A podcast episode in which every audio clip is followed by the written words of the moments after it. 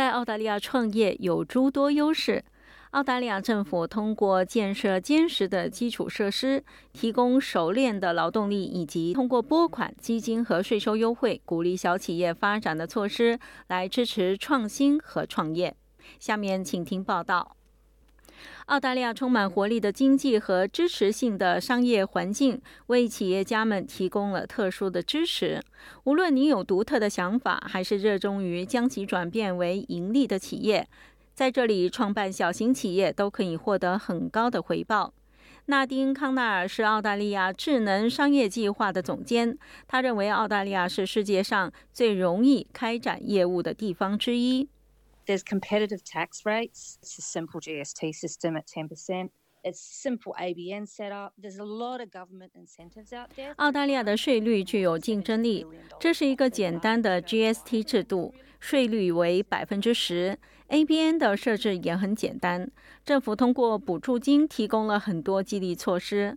我认为全澳大利亚提供了超过七百亿元的资金，并且有非常明确的法规和津贴，鼓励你有创新精神。悉尼经济分析师阿卜杜拉·阿卜杜拉断言，澳大利亚的经济稳定。稳定的经济是投资者和企业家的基石。Our economy grows steadily, except for small. 我们的经济稳定增长，除了新冠疫情期间的一小段时间，我们看到了一些衰退。然而，在过去三十年左右的时间里，我们一直在稳定增长，所以这当然是一个好的迹象。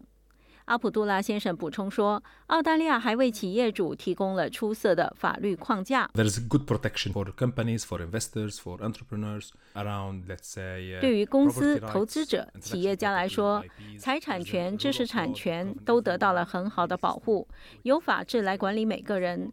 这里的法律体系，我们可以说它是透明的。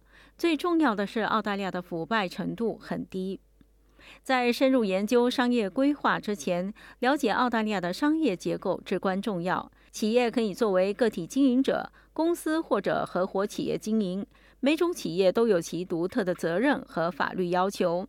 阿卜杜拉先生表示，每种业务类型都有不同的运营方式，具体取决于您的业务愿望。If my aspirations is to be like local small business doing some small services regionally, let's say, or in my suburbs, I don't have. 如果我的愿望是像当地的小企业一样，在区域内提供一些小型服务，或者在我的郊区我并没有计划发展它，那么也许我会考虑拥有一个个体经营者或者合伙企业。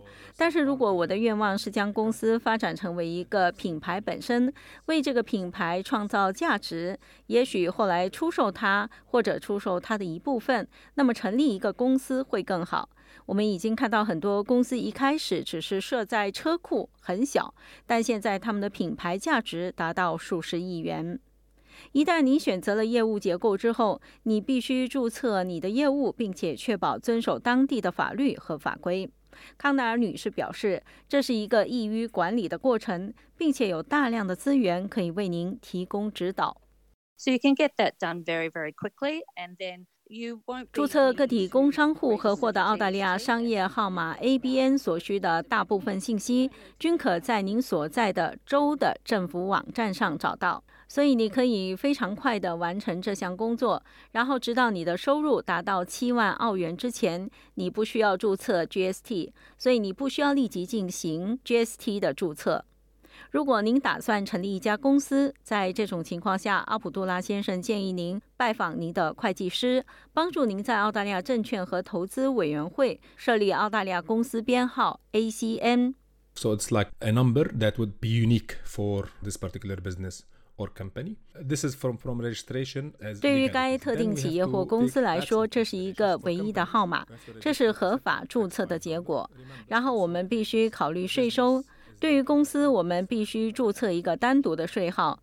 请记住，对于个体经营者来说，业务与自己的 TFN 个人税号挂钩没有差异化；但是对于企业来说，企业必须有自己的 TFN。阿卜杜拉先生表示，如果您计划雇佣员工，你还必须登记现收现付预扣税。Which is the way we withhold the income tax from employees and then pay it to the government. 这就是我们向员工预扣所得税，然后向政府缴纳的方式。这是从登记的角度来看。其他一些企业需要执照、许可证等，而且企业可能需要不同的保险计划。他强调了了解企业家应该了解的额外法律和合规要求的重要性，以避免潜在的陷阱。康奈尔女士解释说，这些要求包括制定保险单等重要考虑因素。There's general business insurance. There's professional indemnity insurance. If you're providing a service, you've got product insurance. 有一般的商业保险，如果您提供服务，则有专业的赔偿保险。另外还有产品保险和食品处理合规性保险。因此，这取决于您所从事的业务类型。但如果你想让人们也进入你的营业场所，那么每个人都需要一定程度的保险，叫做公共责任保险。创业者需要考虑的另一个关键方面是制定精心设计的商业计划，这通常被许多人视为成功的路线图。康奈尔女士说：“研究市场是第一步。” Researching your market, knowing who your customers are, how big your market is, where you are operating. 研究你的市场，了解你的客户是谁，你的市场有多大，你在哪里经营。如果你有实体店，你要开在哪里？你的竞争对手是谁？你要卖什么？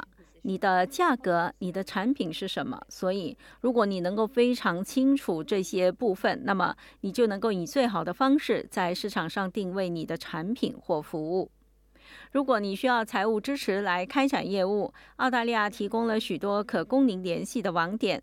康奈尔女士分享了她对潜在企业家可用的各种融资选择的见解，包括得到政府拨款。贷款和私人投资者。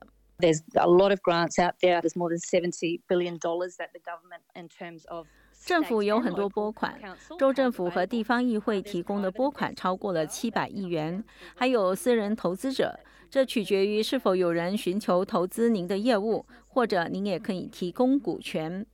康奈尔女士还强调，澳大利亚政府网站 business.gov.au 在拨款和项目查找选项卡下列出了众多的拨款，这些拨款适合各个行业，为各个行业提供支持和机会。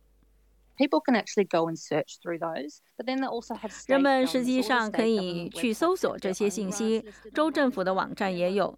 所有州政府的网站上列出了自己的拨款，然后当地地方政府机构的地方议会，他们通常也有拨款。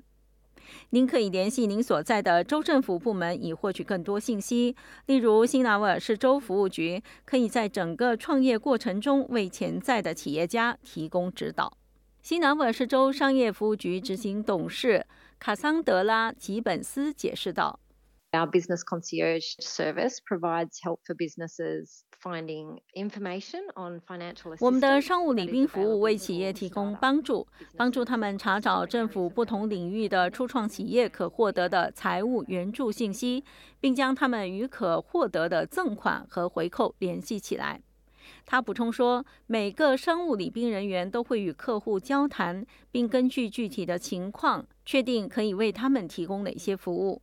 康奈尔女士建议您迈出实现创业梦想的第一步，开始研究、建立联系，并完善您的经营理念。请记住，每一个成功的企业都是从第一步开始的。Biggest misconception would be that you have to have a lot of money to do it. You don't have to reinvent everything all at once. You don't have to go from 最大的误解是你必须有很多钱才能做到这一点。你不必一下子重新发明一切，你不必从零跳到一百。随着你的成长，你可以慢慢的开始并投资创业，可能会非常令人畏惧。但是如果你与合适的人交谈，情况就不一定如此。每个人都可以和你一起帮助你的企业取得成功。